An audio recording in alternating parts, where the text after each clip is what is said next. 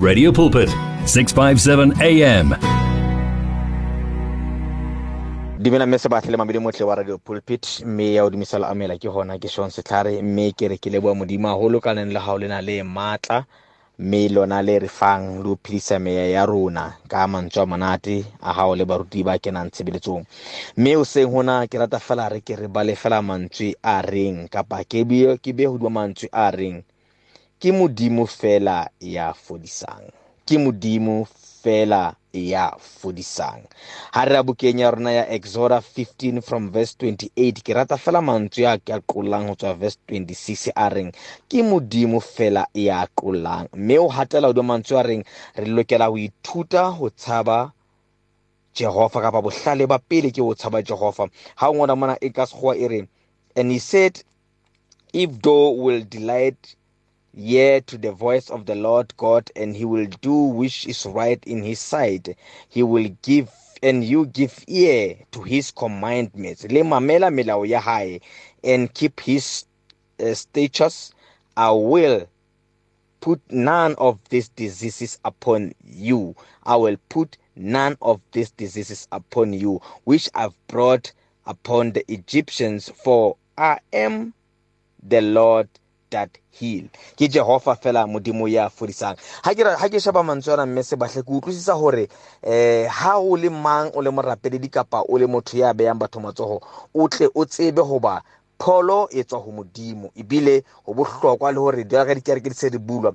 Re ithute ho tseba hoba pholo e tswa ho jehova. Kreste morena ya re ha qeta ho fodisa kapa ha re bona a ntse a fodisa batho a empowera batho hafta morena kreste a etsa tsena tsohle. Ha a fodisa motho ha re bona a fodisa motho ya neng a tshwerwe ke mahlo a sa bone.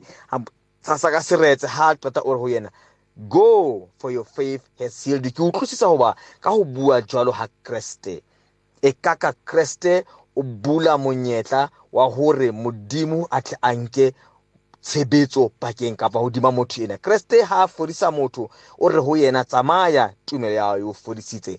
Tumelo yena ke yona eo e leng modimo hobane ke modimo fela ya fodisang. Ke ka ona kreste le yena ha qeta a o supetsa tsela. Mme a mang a mantswe a monate ke hore ke hlokometse hoba peo e mmela bosiu. Mme kreste kapa jehova ya re ha kopana le jakobo mme ka hona a lwantsha ho le lefifing wrestling with god. Mme ya re ha masiu kapa masa a tlhaha that was when the new seed was born. Only god can heal. Ha re mathela bukeng ya rona ya luke 14 from verse 18 ke moo kreste a ne reng ha fihla motseng wa wa nazaretha ya ba moya wa modimo o halalelang o e ba hodima hae. Mme ha kena motseng oo jesu a neng a tswallwa ho yona. Bona banka buka ya a re a ikemisetse ho tla fodisa batho ka lentswe. Ya ba bona ba mo fa buka ya moprofeta Esaya mme ho yona ya re ha bula buka ena a kopana le mantswe a ngotsweng a reng? The spirit of God is upon me because he has anointed me to preach the good gospel to the poor. Gospel ena ke yona phodiso ya semoya. I said a bo a bua mantswe a reng he has sent me to heal the broken hearted pholo e tswa ho modimo. Jesu o a netefatsa hore le pholo ya semoya le ya nama e tswa ho modimo.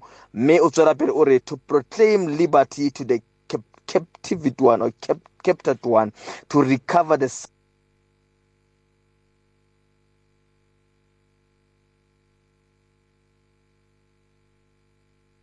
Ah, angazi kwenzakaleni. Mhm, kunomuntu opresse la, oklike la.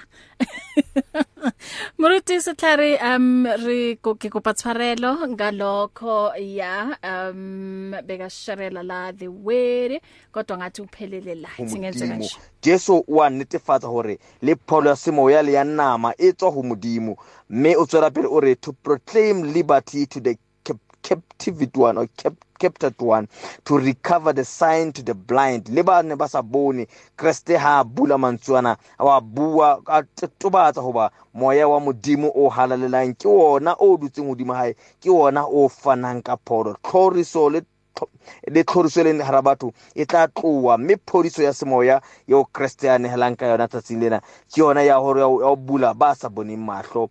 Le o ne ba senang pono pono mme ka hona to proclaim the acceptable year of the lord. Ka hona ka mantswe mo go sone fa ke re pholo e tswa ho modimo. Ha mang le mang ya rapela le risa a ke a fe modimo thoriso. Mme mm. thoriso e setle mm. bathong. Ka lebitso la kreste ya maatla philang amen amen ke nnete dumela mabedi motle pholo e tswa ho modimo um ithi ke ngindlule ngala uma ngibuya ke ngizobe nginosesikhethiwe phakathi esithulela i motivation The words of the Lord are words of life. Your heart is on 657 AM. 657 AM.